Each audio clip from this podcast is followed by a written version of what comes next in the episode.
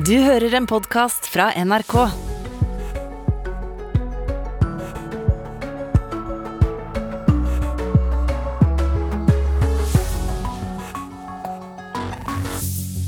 Riktig god morgen. Det er tirsdag 12. juli. Dette er Nyhetsmorgen i P2 og på NRK1.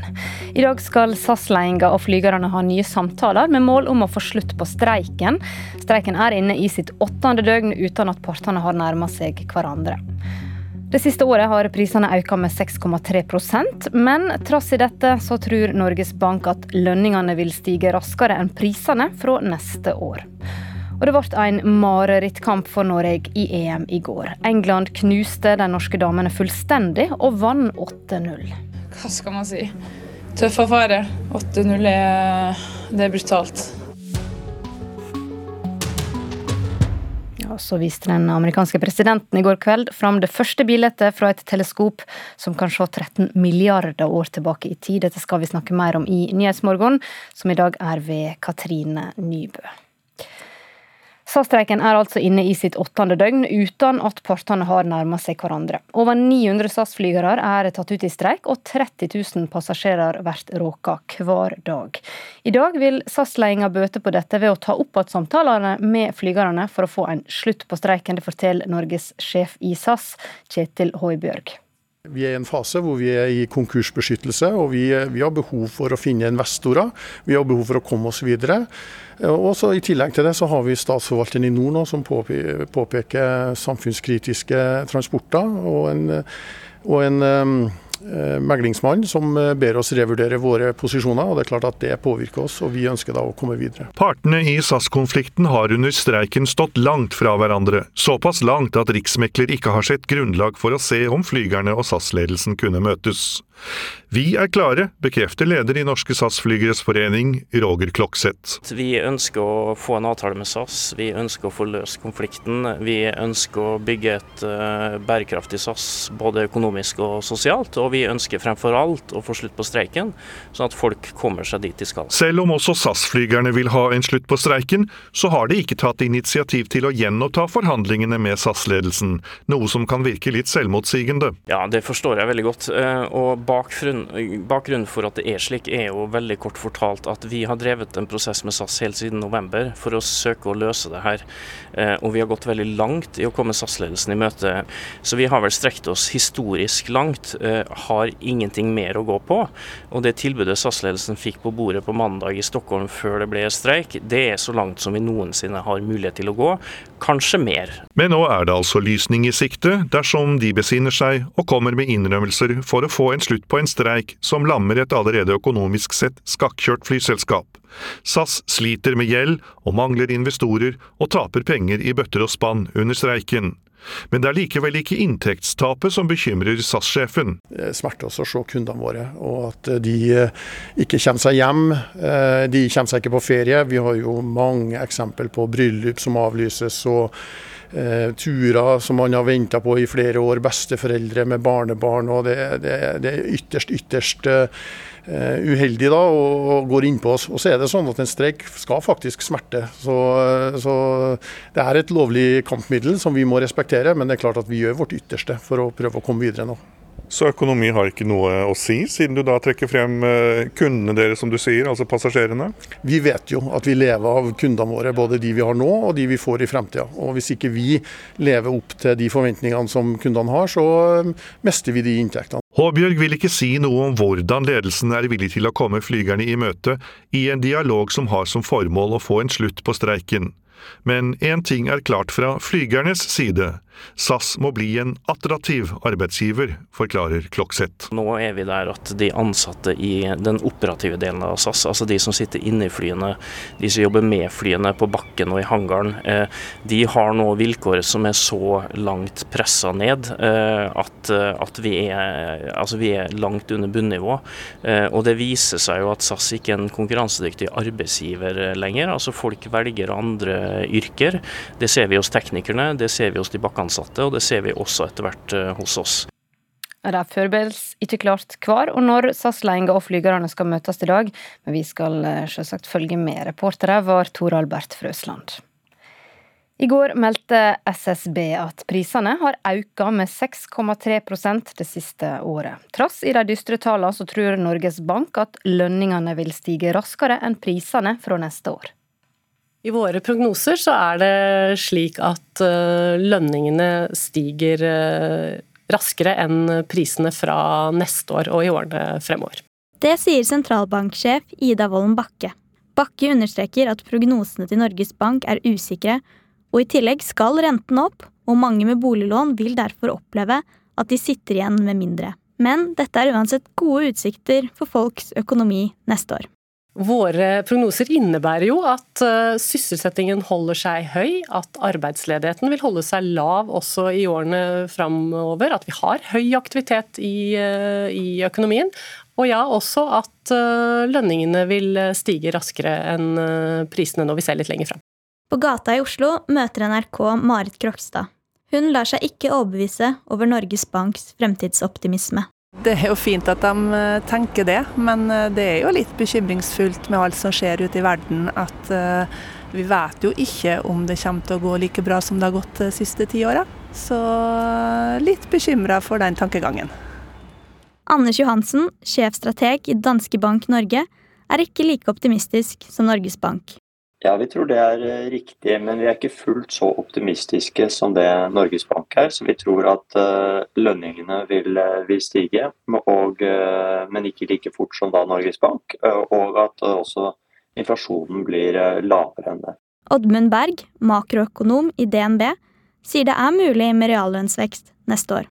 Vi syns egentlig at Norges Bank sine prognoser på dette virker ganske rimelige. De, har, de peker på en del gode faktorer når det kommer til begrunnelsen for hvorfor de tror på høyere lønnsvekst. Det er et veldig stramt arbeidsmarked nå. Det er veldig lav ledighet.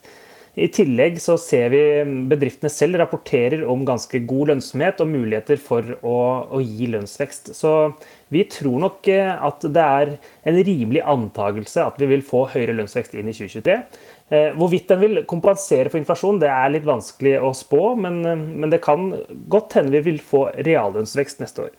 Men selv om Berg tror på reallønnsvekst, så sier han at renteøkningene er med på å spise opp en god del av budsjettet til de med mye gjeld. Så her er det underliggende store forskjeller mellom forskjellige typer arbeidstakere, eh, med tanke på om man vil få det bedre eller verre neste år. Reportere var Maria Jostad, Trond Lydersen og Eirik Eiterheim. Det er sommer, og for mange så betyr det at det er ferie, men pandemien ser det ikke ut til at vi får ferie fra. I Europa så er smittetallene høye. Frankrike har hatt 880 000 registrerte smitta på ei uke, og innfører nå anbefaling om å bruke munnbind. Og smitten i Italia, Spania, Danmark og Hellas har også økt den siste tida. Assisterende helsedirektør Espen Rostrup Nakstad, god morgen. God morgen. Kan det tenkes at ferien til varmere strøk henger i en tynn tråd for enkelte? Nei, Jeg tror ikke den henger i en tynn tråd, men jeg tror som du sier at man vil kunne møte krav om munnbind stadig flere steder. Eh, og Særlig når man kommer til en flyplass eller til en havn eller en togstasjon, så kan det godt være at man blir bedt om å bruke munnbind hvis man skal reise videre innenlands eh, i Europa nå. Men Hvorfor innfører de da ikke mer drastiske restriksjoner i disse landene når smittetallene er så høye? 880 000 smitta på ei uke i Frankrike? Nei, Nå har man jo kommet til en ny fase i pandemien hvor mange er vaksinert, og hvor eh, man prøver å få livet til å gå mest mulig normalt. og Mange av disse landene er jo helt avhengig av turisme nå, eh, etter to somre i en pandemi. Eh, dette er den tredje sommeren hvor det er mulig igjen å få turister på en mer normal måte til ulike land. og Det tror jeg veier veldig tungt i de vurderingene. Du var jo her for litt siden og snakka om at smittetoppen her i landet kan være nådd. Hvordan er det situasjonen i Norge nå? Nei, vi ser det at det har steget jevnt og trutt i, i juni med innleggelser. Og så har det de siste to ukene flatet litt ut på et ganske høyt nivå når det gjelder nyinnleggelser, men likevel ikke noe videre kraftig stigning. Så vi håper nå at eh, dette kanskje er toppen av en sommerbølge. Problemet vårt er at ikke vi ikke vet hvor stor den bølgen har vært, fordi vi tester jo ikke like mye som vi gjorde tidligere. Og det gjør man heller ikke ute i Europa. Så eh, når vi ser på innleggelser, så ser vi at det har vært en markert økning. Og denne bølgen i sommer i Europa har jo vært sammenlignbar med den største bølgen i 2001, unnskyld, 2021. Er det mange som blir alvorlig syke? Det er eh, mange som legges inn på sykehus i hele Vest-Europa nå sammenlignet med tidligere pandemien, men det er ikke like mange som trenger intensivbehandling. Og Det ser vi i Norge også, at i uke 26 for eksempel, så hadde vi over 300 nyinnlagte på sykehus, men eh, så vidt under ti stykker som trengte intensivbehandling. Og Det er et veldig lavt tall når vi sammenligner med tidligere i pandemien. Kan vi komme til å få eh, restriksjoner her til lands også, sånn som i Frankrike med anbefaling om munnbind? Ja, nå har vi et stående råd i denne pandemien om å være hjemme når man er syk. Eh, og Hvis man eh, risikerer å smitte mange andre, særlig utsatte personer, så anbefaler vi også at folk tester seg. Eh, men det viktigste anbefalingen kanskje, det er jo det å følge vaksinasjonsprogrammet og følge de anbefalingene. Og Nå har de over 75 år blitt anbefalt en oppfriskningsdose. og Den type råd tror vi er veldig viktig. Og Skulle det bli en, ny bølge i høst eller i vinter som skaper store problemer for helsevesenet vårt, så vil vi selvsagt vurdere andre ting også. Vi har ganske mange verktøy i verktøykassa, men eh, vi håper at vi slipper å bruke mange av dem. Ja, hvordan blir det med vaksine? For EU anbefaler jo oppfriskningsdose for alle over 60. Blir det eh, gjeldende her i Norge også? Ja, Europeiske legemiddelmyndigheter og Det europeiske smittevernbyrået anbefalte i går å vurdere at alle over 60 år bør få en oppfriskningsdose. Og I Norge så har FHI vurdert foreløpig at de over 75 bør anbefales det. Men så vil man også vurdere dette fortløpende videre. Eh, så um, her kan det komme nyheter eh, på sensommeren eller tidlig høst når det gjelder yngre aldersgrupper enn de som er 75 og høyere. Ok, Takk skal du ha, assisterende helsedirektør Espen Rostrup Nakstad. Det første bildet i farge fra romteleskopet James Webb ble vist fram i natt. Nå kan du se bildet fra universets barndom. Det var president Joe Biden som viste fram det første bildet i farge fra romteleskopet. I natt kom de første bildene fra James Webb-teleskopet. Bildene, som ble vist frem av USAs president Joe Biden, danner et rikt lerret med blå, gule og røde klatter på en mørk, svart bakgrunn. Bildene ble mottatt med stor applaus i nattnorsk tid da de ble presentert. America is defined by one single word possibilities. Possibilities. I want to thank NASA for once again showing that that's who we are. That's who we are as a nation, a nation of possibilities. And now let's take a look at the very first image from this miraculous telescope.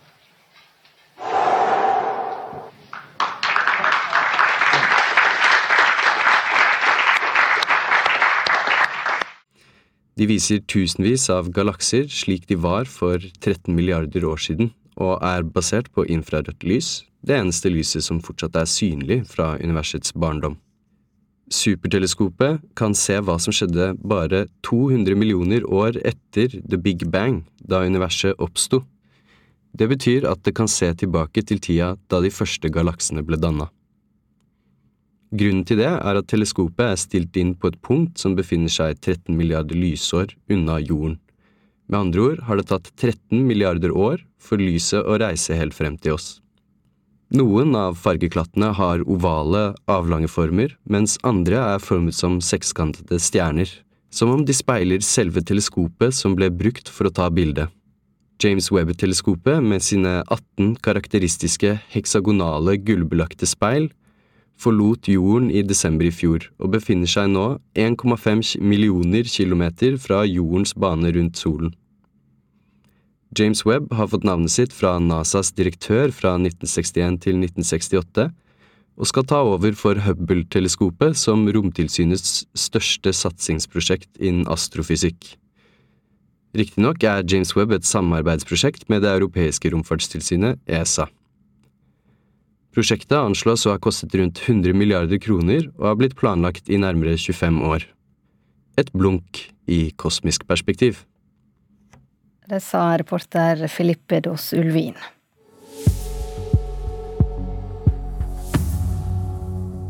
Klokka er 17 minutter over sju. Du lytter til NRKs Nyhetsmorgen. Partene i SAS-streiken tar opp at samtalene i dag det kan være en mulig løsning i sikte. Norges Bank tror lønningene kommer til å stige mer enn prisene framover.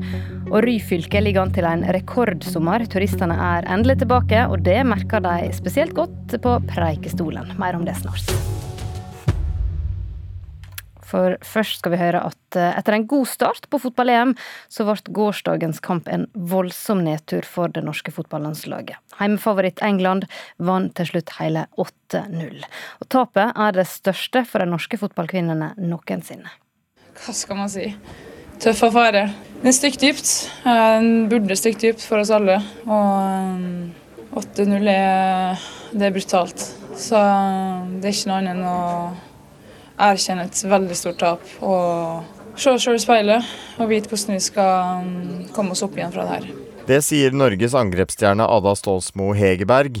Målene rant inn i den første omgangen, men det kom ingen grep fra den norske trenerbenken. Landslagssjef Martin Sjøgren forklarer hvorfor. Nei, vi valgte å gjøre det i halvtid nå for at uh, vi behøvde et stopp, tykte vi.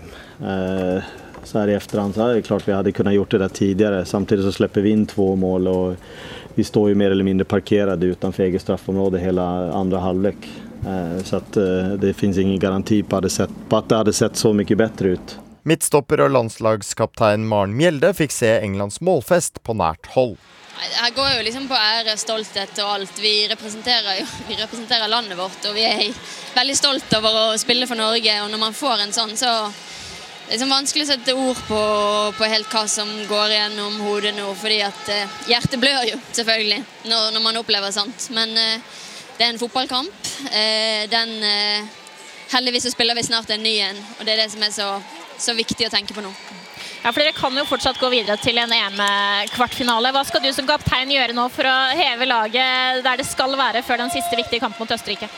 Nei, jeg skal riste dette her av meg sjøl. Det er brutalt, eh, det er vondt. Men, eh, og det, det skal det være.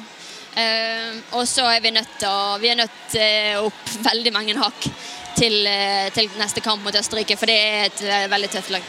Og Norge er helt avhengig av å slå Østerrike på fredag dersom de skal gå videre til kvartfinalen. Reporter her var Malin Jørnholt og Jonas August Bernstein. Ragnhild Gulbrandsen, journalist og tidligere landslagsspiller i fotball, god morgen. God morgen. Aller først, hvordan var det å se kampen i går? Nei, Det var helt forferdelig. Det, det, er vel noe av det verste jeg har sett tror jeg, noen gang. Eh, og det var ja, både flaut og pinlig. Det vanskelig å finne ord som er dekkende, tror jeg. Men eh, det er en fotballkamp, da. Ja. Det finnes verre ting i verden. Men hva sier det om det norske laget? Eh, det sier i hvert fall at eh, det medaljemålet som vi har satt oss, er kanskje litt for høyt. Vi ble jo totalt avkledd mot England i går, som er en av favorittene. Så vil vi kanskje få vite mer om hva som bor i det laget her i kampen på fredag. Om de klarer å reise seg til så at de klarer å slå Østerrike og ta seg videre. Men det er brutalt. Det er ikke noe godt for dem å våkne opp i dag. Men 8-0, hvor stor er klasseforskjellen? Burde vi ha klart å, å skåre litt, iallfall? Ja, altså det har jo Det kom jo kritikk allerede før kampstart i går eh, mot eh, taktikk og lagoppstilling. Og eh, 8-0 det er stygt i et eh, EM. Eh, og vi kunne nok hatt kanskje en litt annen inngang. og vi burde i hvert fall ha tatt grep tidligere, det, er det jo ingen tvil om. Altså, man må jo prøve et eller annet. Når man ser at England bare valser gjennom akkurat som de vil, så må man jo ta grep. Ja, Trener Martin Sjøgren har fått massiv kritikk. Er du enig i den kritikken? Det, det, det, er vanskelig å ikke være enig, tenker jeg. Eh, det, altså, de virker jo helt handlingslamma på benken der når de ikke foretar seg noen ting. Vi ligger under 4-0, jeg vet ikke selv hvor lang tid. Men altså, allerede på 2-0 så så man jo at altså, England gjorde jo hva de ville på høyresida der. Altså, man burde jo lagt opp til en ekstra bak der, så vi hadde hatt en fembackslinje. Men hva kunne vært gjort annerledes, da? Nei, altså Man burde ha hatt en uh, annen formasjon, men det, altså, det, er jo ekstremt lett å være etterpåklok, selvfølgelig. Men um, vi burde nok hatt en litt mer defensiv inngang til den kampen her. og kanskje tenkt mer at vi skulle kjempa oss til uavgjort, liksom. Uh, kanskje Ja, og så samla, oss i en ja, ja, en fembackslinje bak og, og, fire på midten og en på topp, liksom. Og bare prøvd å dunke baller fram, på, fram til Ada Egerberg, som kanskje hadde klart å trylle fram litt magi. Eh, det virker naivt sånn som vi kommer inn i den kampen her. Denne kampen må vi vel prøve å glemme fortest mulig. Hva sjanser har det norske laget videre nå? Altså, vi har absolutt sjanse til å gå videre til, eh, til sluttspillet. Altså, Østerrike så litt på Østerrike mot uh, Nord-Irland i går. og det, det ikke, Jeg ble ikke skremt av dem, men de ble neppe skremt av å se på Norge mot England også. Men uh, så det, det, er fullt mulig å ta seg videre. Men jeg tipper jo at når vi da møter enten Tyskland eller Spania i neste runde, så blir det stopp. Tror du de klarer å vinne over Østerrike, da?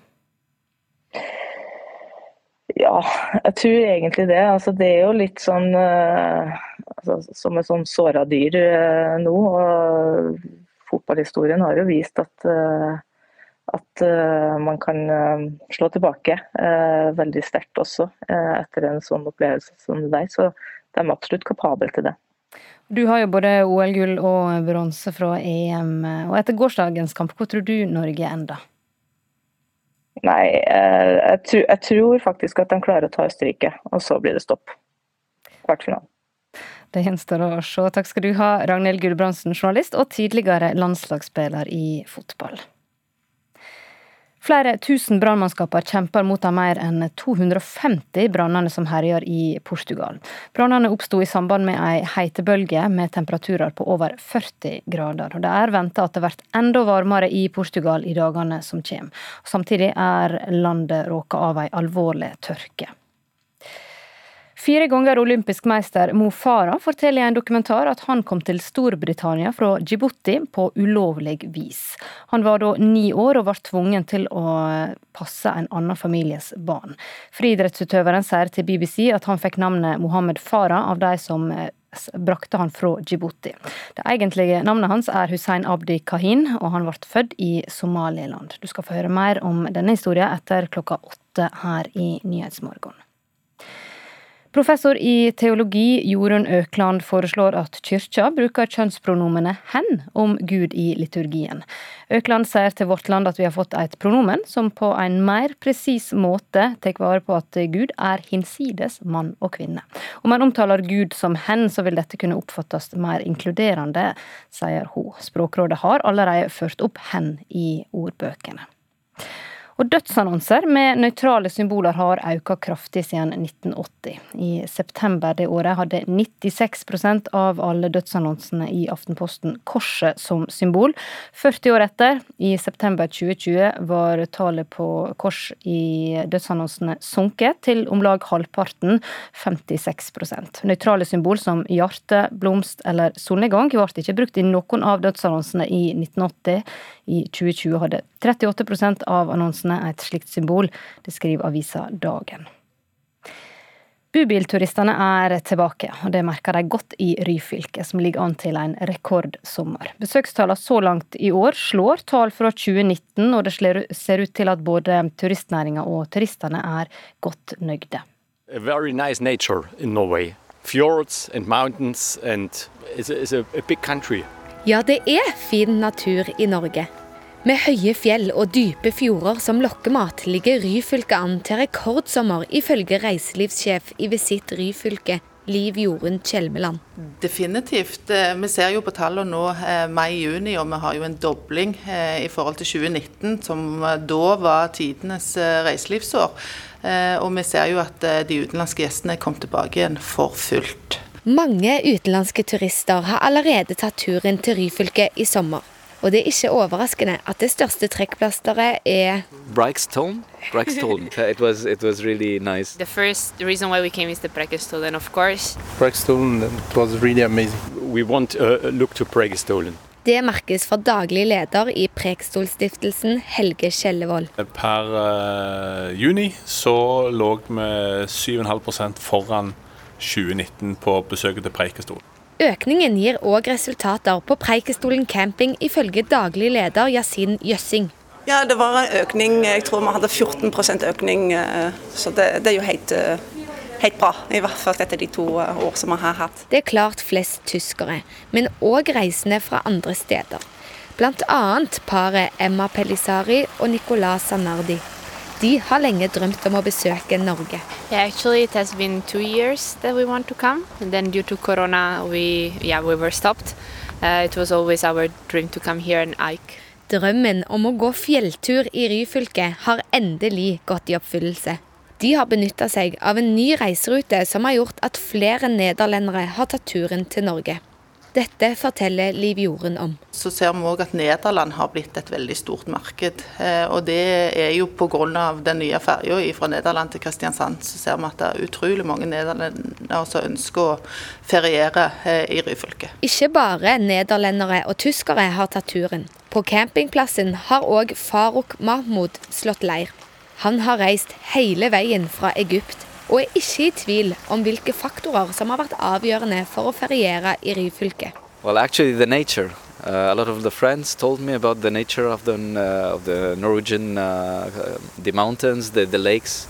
So I wanted to see that. I wanted to, to have this experience to camp in the, in the forest. En trend som òg er spesiell for året, er at turistene blir lengre. Vi jobber jo òg for at eh, de gjestene som kommer her skal bli lengre når de først er kommet her. Eh, og vi ser jo nå at Eh, det er en trend etter korona at folk ønsker å reise til én plass, og så blir det flere dager.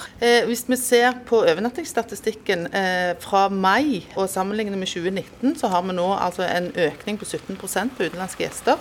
Det er altså fint å drive med turisme i Ryfylke om dagen. Og for turistene sjøl er det heller ikke så verst. Normally I'm scared of heights, but uh, but yesterday I was out of my comfort zone actually. but it was amazing. Reportere var Julie Ravnås. Du hører en podkast fra NRK.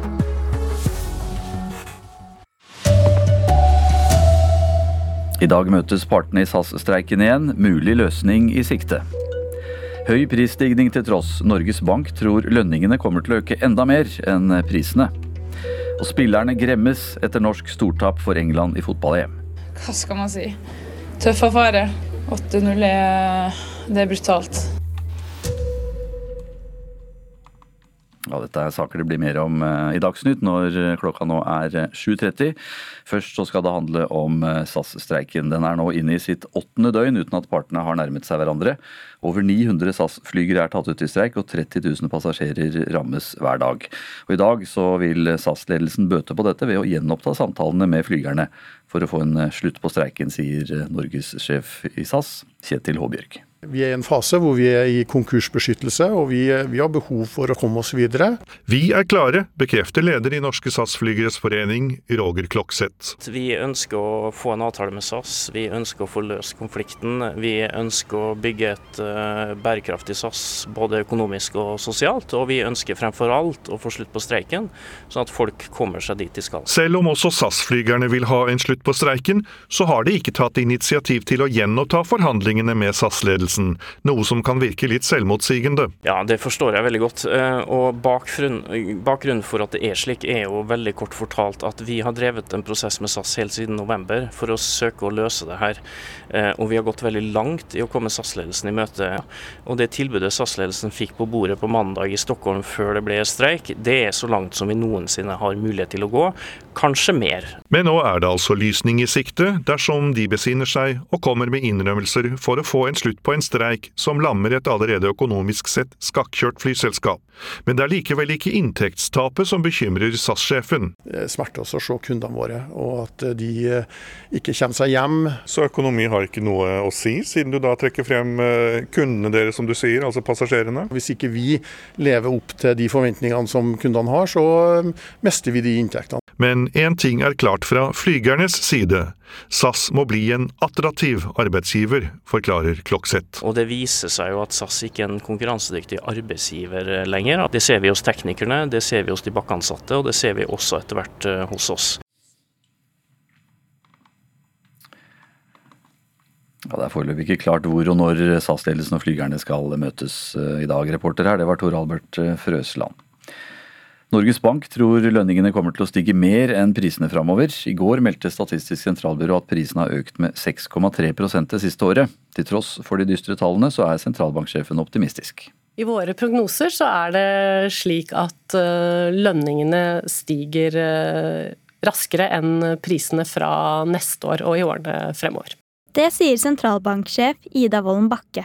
Bakke understreker at prognosene til Norges Bank er usikre, og i tillegg skal renten opp, og mange med boliglån vil derfor oppleve at de sitter igjen med mindre. Men dette er uansett gode utsikter for folks økonomi neste år. På gata i Oslo møter NRK Marit Krokstad. Hun lar seg ikke overbevise over Norges Banks fremtidsoptimisme.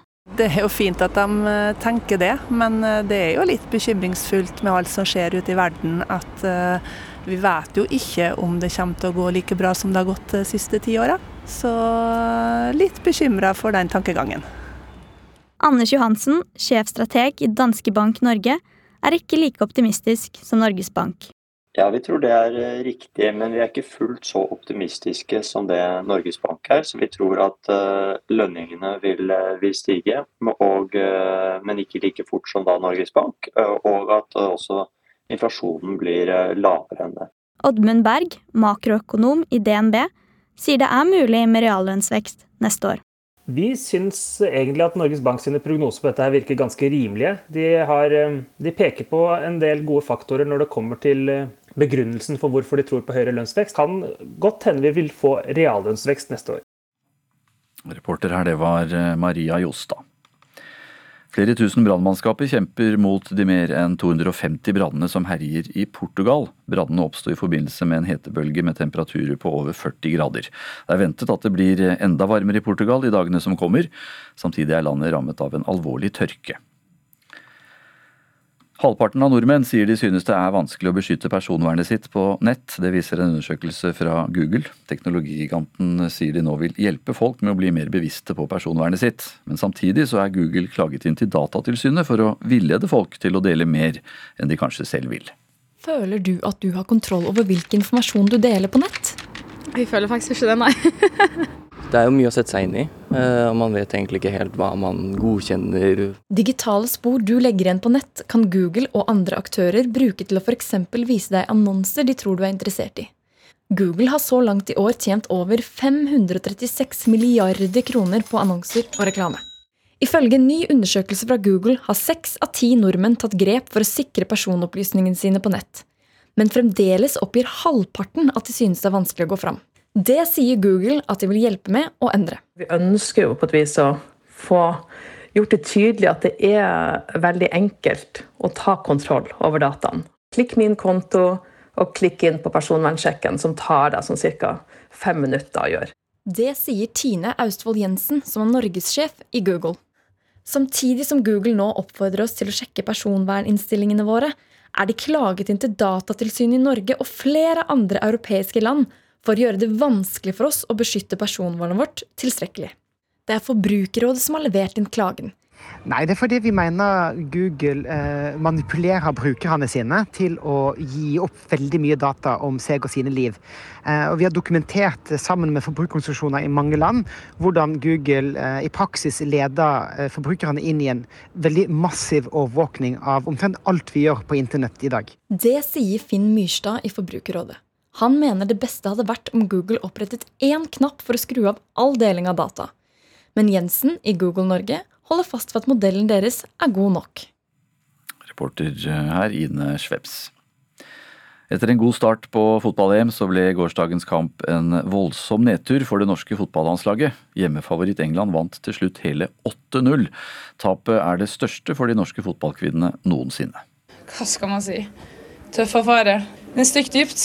Den burde stikke dypt for oss alle. Og 8-0 um, er, er brutalt. Så um, det er ikke noe annet enn å erkjenne et veldig stort tap. Og se oss sjøl i speilet og vite hvordan vi skal komme oss opp igjen fra det her. Det sier Norges angrepsstjerne Ada Stålsmo Hegerberg. Målene rant inn i den første omgangen, men det kom ingen grep fra den norske trenerbenken. Landslagssjef Martin Sjøgren forklarer hvorfor. Nei, vi valgte å gjøre det i halvtid nå for at uh, vi behøvde et stopp, tykte vi. Uh, så her i etterhånd så er det klart vi hadde kunnet gjort det der tidligere. Samtidig så slipper vi inn to mål og vi står jo mer eller mindre parkert utenfor eget straffområde hele andre halvlek. Uh, så at, det finnes ingen garanti på, på, at det hadde sett så mye bedre ut. Midtstopper og landslagskaptein Maren Mjelde fikk se Englands målfest på nært hold. Her går jo liksom på ære, stolthet og alt. Vi representerer jo vi representerer landet vårt, og vi er veldig stolt over å spille for Norge. Og når man får en sånn, så er det liksom vanskelig å sette ord på, på helt hva som går gjennom hodet nå, fordi at eh, hjertet blør jo. Ja, nå må Norge slå Østerrike på fredag for å gå videre til eh, kvartfinale. Reportere Malin eh, Jørnholt og Jonas August Bernstein. Fire ganger olympisk mester eh, Mo Farah forteller i en dokumentar at han eh, kom til Storbritannia fra Djibouti på ulovlig vis. Han var da ni år og ble tvunget til å passe en annen families barn. Friidrettsutøveren sier til BBC at han fikk navnet Mohammed Farah av eh, dem som brakte ham fra Djibouti. Hans egentlige navn det er Hussein Abdi Kahin, og han ble født i Somaliland. Det første bildet i farger fra romteleskopet James Webb ble vist fram eh, i natt. NASAs storsatsing James Webb-teleskopet viser bilder fra universets barndom. Bildene, som ble vist frem av USAs president Joe Biden, danner et rikt lerret med blå, gule og røde klatter på en mørk, svart bakgrunn. Bildene ble mottatt med stor applaus i nattnorsk tid da de ble presentert. And now let's take a look at the very first image from this miraculous telescope.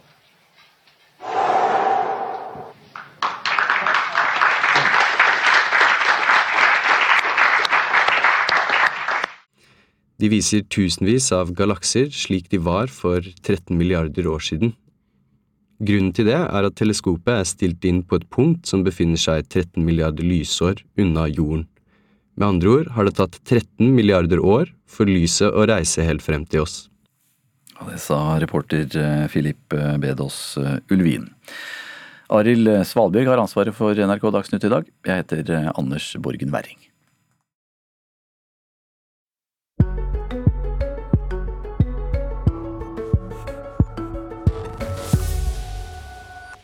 I over 20 år har den norske statsborgeren Tatjana Ottemo arbeidet i Norge og sendt penger som familien i Sibir kan leve av.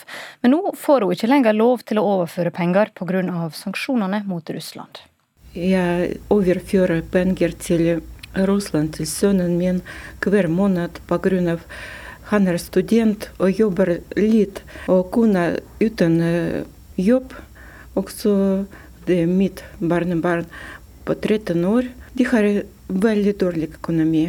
Derfor jeg sender penger. Hver måned har Tatjana Ottemo sendt penger til Sibir i Russland som sønnen, kona og barnebarnet kan leve av. Hun er norsk statsborger og har bodd i Norge i over 20 år.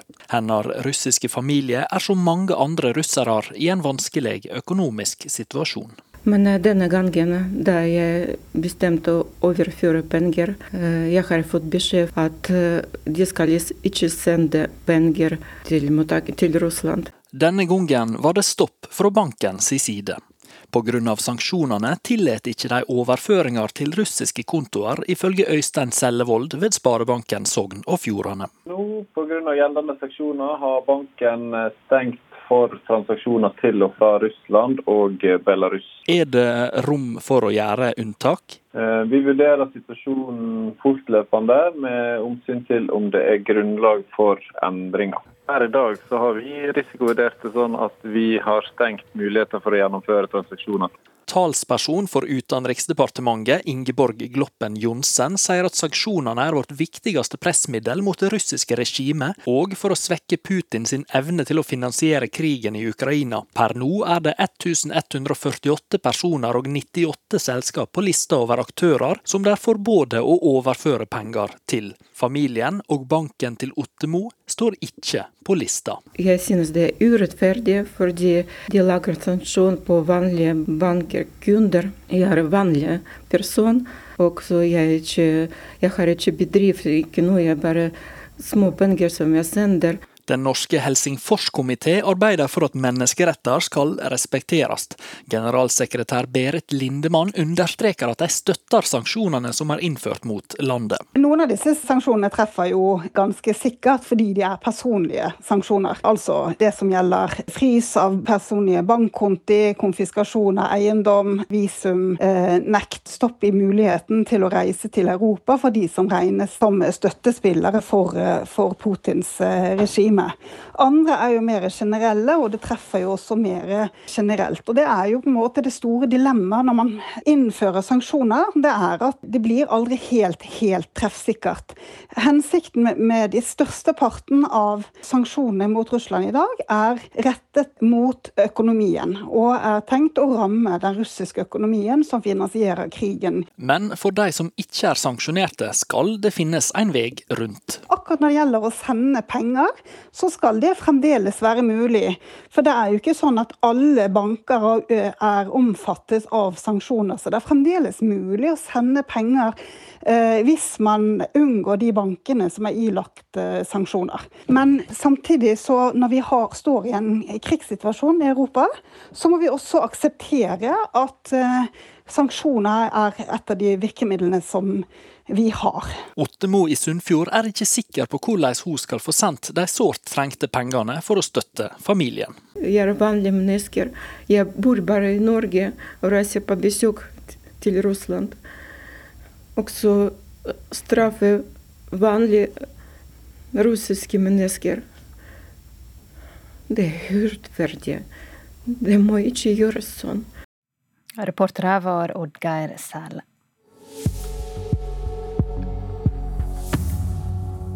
Klokka er 7.44. SAS og Pilotforbundet tar opp at forhandlingene om en ny avtale i morgen.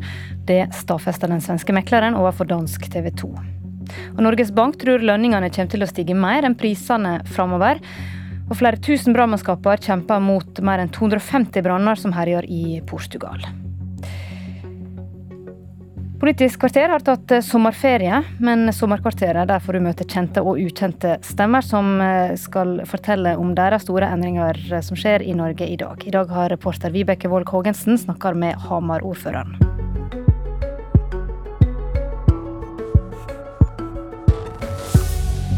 Navn? Einar Busterud. Alder? 68. Velbrukt år. Stilling? Eh, ordfører på Hamar. Hvis du skulle hatt et annet yrke, hva ville du jobba med da? Det du jobber med, journalist. Hvorfor det? Nei, Jeg har jo praktisert som journalist, og jeg må si at i den tida vi lever i, så er det med nyhetsformidling og, og journalistikk kanskje noe av det viktigste samfunnsoppdraget som fins.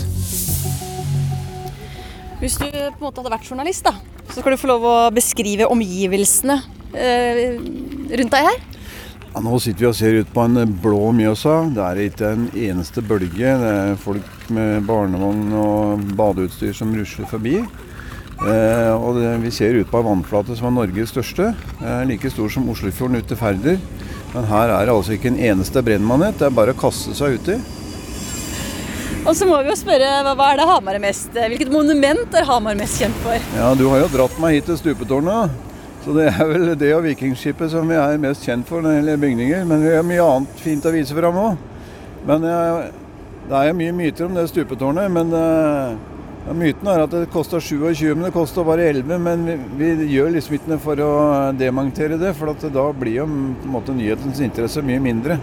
Så det er mye folk som kommer til Hamar som har det travelt. Både ministre og Royal og litt av hvert. Men jeg har ennå ikke møtt noen som ikke har tid til å komme ned og se på stupetårnet. Ja, så hørte vi akkurat toglinja bak oss her, den bråker fælt. Skal den være en sånn barriere mot Mjøsa? Ja, med den investeringsplanen som ligger for jernbane nå, så kommer det dobbeltspor til Hamar. Det er vi kjempeglad for. Men det er vel da brenner med blått lys for eh, dobbeltspor videre til Lillehammer.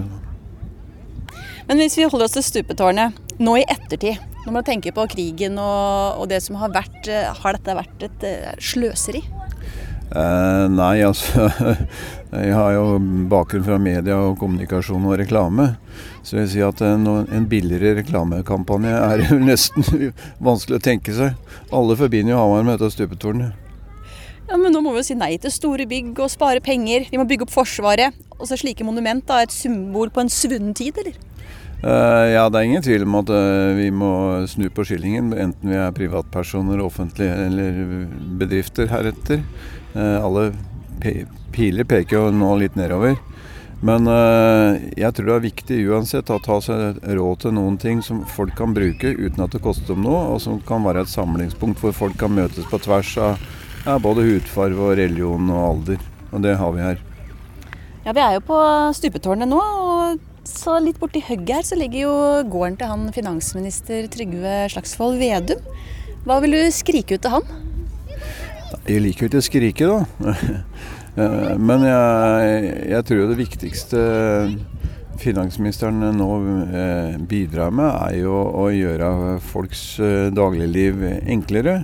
Eh, regningen øker jo, eh, og det er klart renten går opp. Og så kan man jo stille spørsmål om det er forbruket som bringer renten opp, eller om det er krigen. Om det, eh, prisene vil gå noe ned fordi om du øker renten. Så det er vanskelig å være finansminister nå, da. Men jeg vil iallfall si at det å holde et godt offentlig tjenestetilbud oppe i ei tid hvor folk får mer problemer med å klare seg sjøl, det er iallfall viktig. Ja, hvilke råd vil du gi Jonas Gahr Støre og alle andre nå, som skal styre landet videre? Uh, nei, no, det, det, er jo aldri vært en regjering, iallfall etter krigen, som har truffet planken så uh, grundig da, med både pandemi og krig osv., så, videre, så jeg misunner dem ikke. Uh, men jeg tror det er viktig å være ærlig i budskapet. hva slags tider står vi overfor? Hva slags utfordringer har vi? Og så gi tydelige svar på de utfordringene.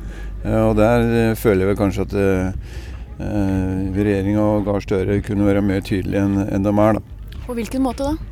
Nei, altså Politikere legger jo ofte til seg et språk da, på den ene sida og på den andre sida. Vurderer jo helhet og alt dette her. Jeg tror folk tåler negative budskaper, men da må man være tydelige på hva gjør vi, og hvorfor gjør vi det. Det var et godt råd til rikspolitikerne. Ja, det er iallfall et råd som har virka i lokalpolitikken. Ja, du er vel kjent for å snakke rett fra levra?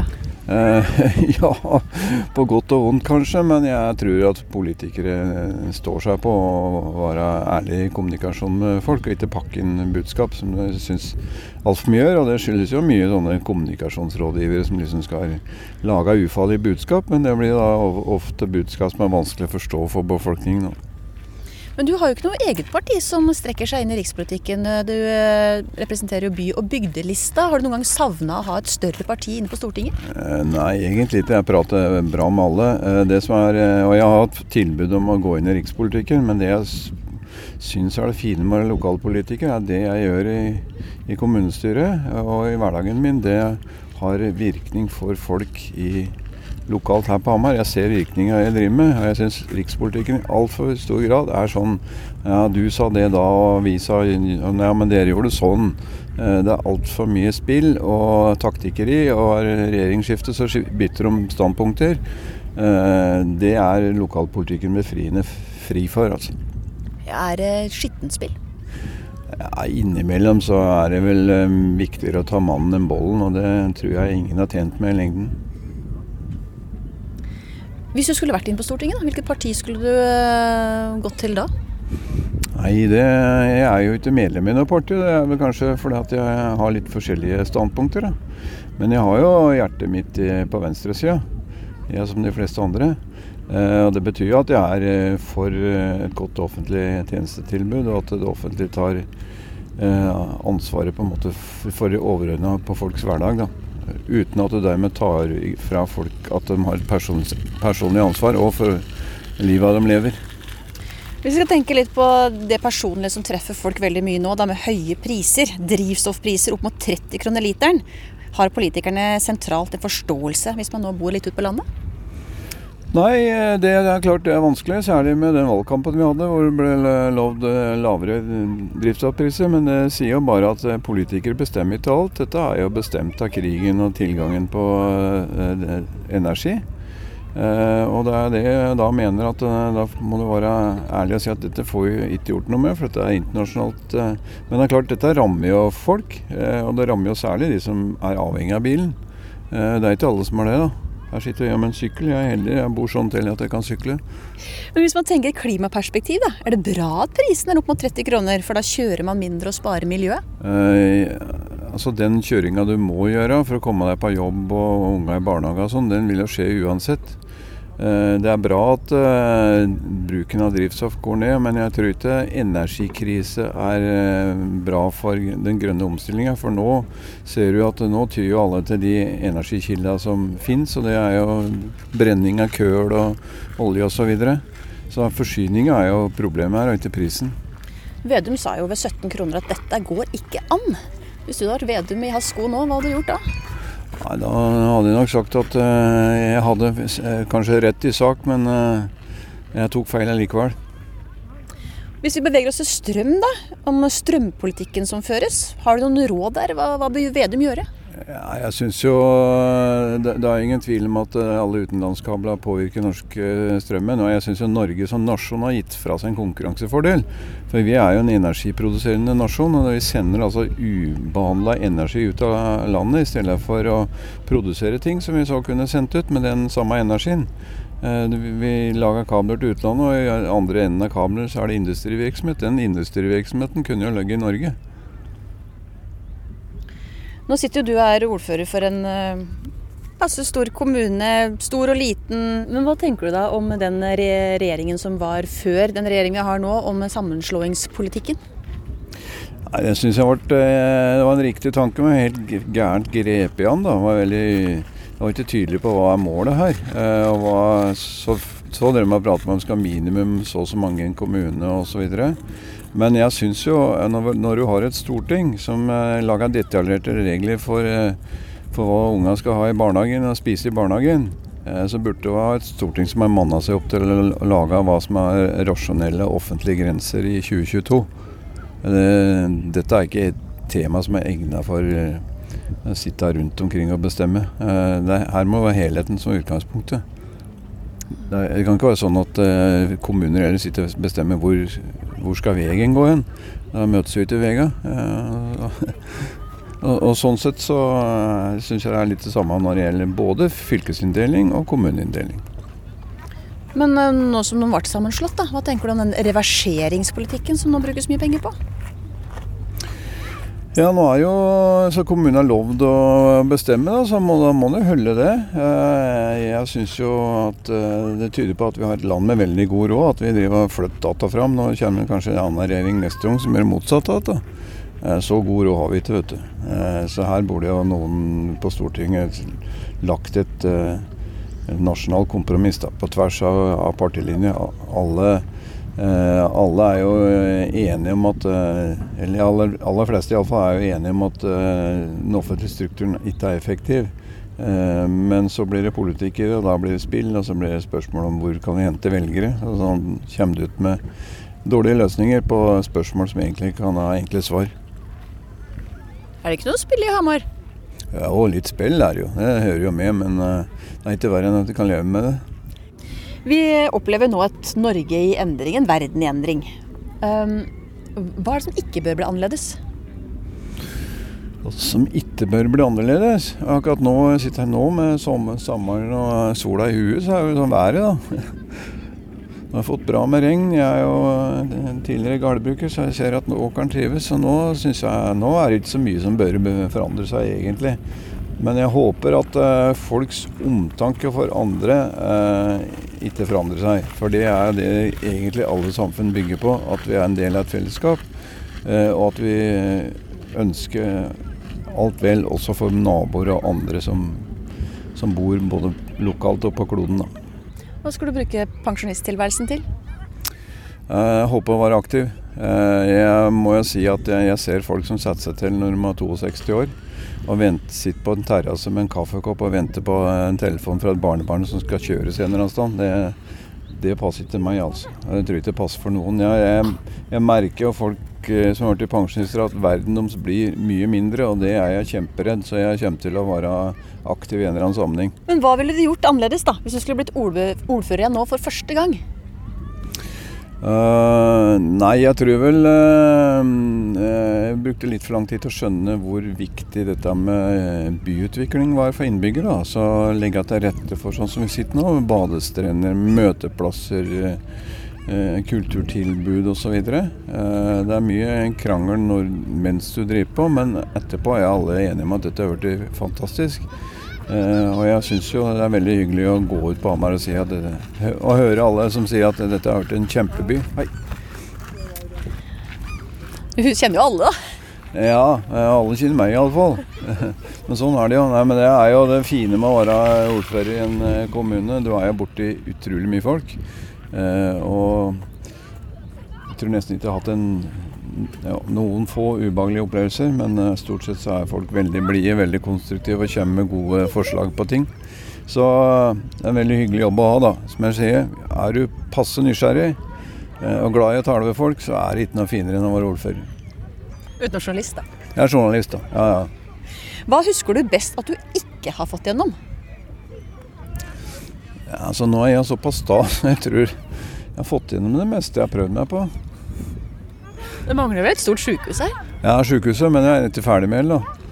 Jeg mener det er meningsløst å legge sykehus som gjør at folk eh, må kjøre dit i bil. Seks millioner ekstra kjørte kilometer i året. Eh, så det er jo helt eh, Du kan ikke drive med sånn i en verden som har trua miljøkrise. Men du er snart pensjonist. Tror du virkelig du får gjennom det sykehuset, eller tar det en periode til? Da Ja, Da får vi se. Angrer du på noe du har satt i gang? Nei, jeg er ikke den typen som angrer heller, vet du. Men jeg, jeg sleiver jo litt med kjeften, så jeg ser jo at jeg kunne formulert meg mer finslig innimellom. Ja, Er det en styrke eller er det en svakhet, tror du? Uh, nei, men jeg var jo på en pensjonistforening en gang. Akkurat da var det snakk om mangel på gravplasser, så da skulle jeg liksom prøve meg på en morsomhet rundt det. Så jeg sa at vi gir bort fem uh, gravplasser til bingoen. men, det hørte jeg da jeg sa det. Det skulle jeg ikke sagt, som jeg fikk rodd meg pent inn igjen. Men sånn er det hvis du ikke tar deg sjøl altfor høytidelig, og, og har litt humør, og så kan du si litt uh, ikke helt vellykka ting uten at folk uh, går rundt og huser på det.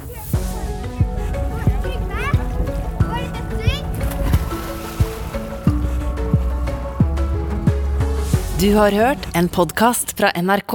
De nyeste episodene hører du først i appen NRK Radio.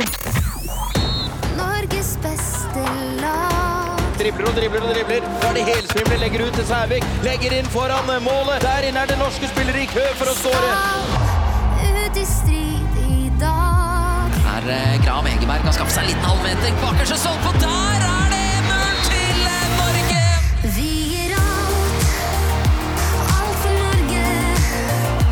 Vi gir alt for Norge. Følg det norske landslaget i fotball-EM 2022. Hør kampene direkte på NRK Sport.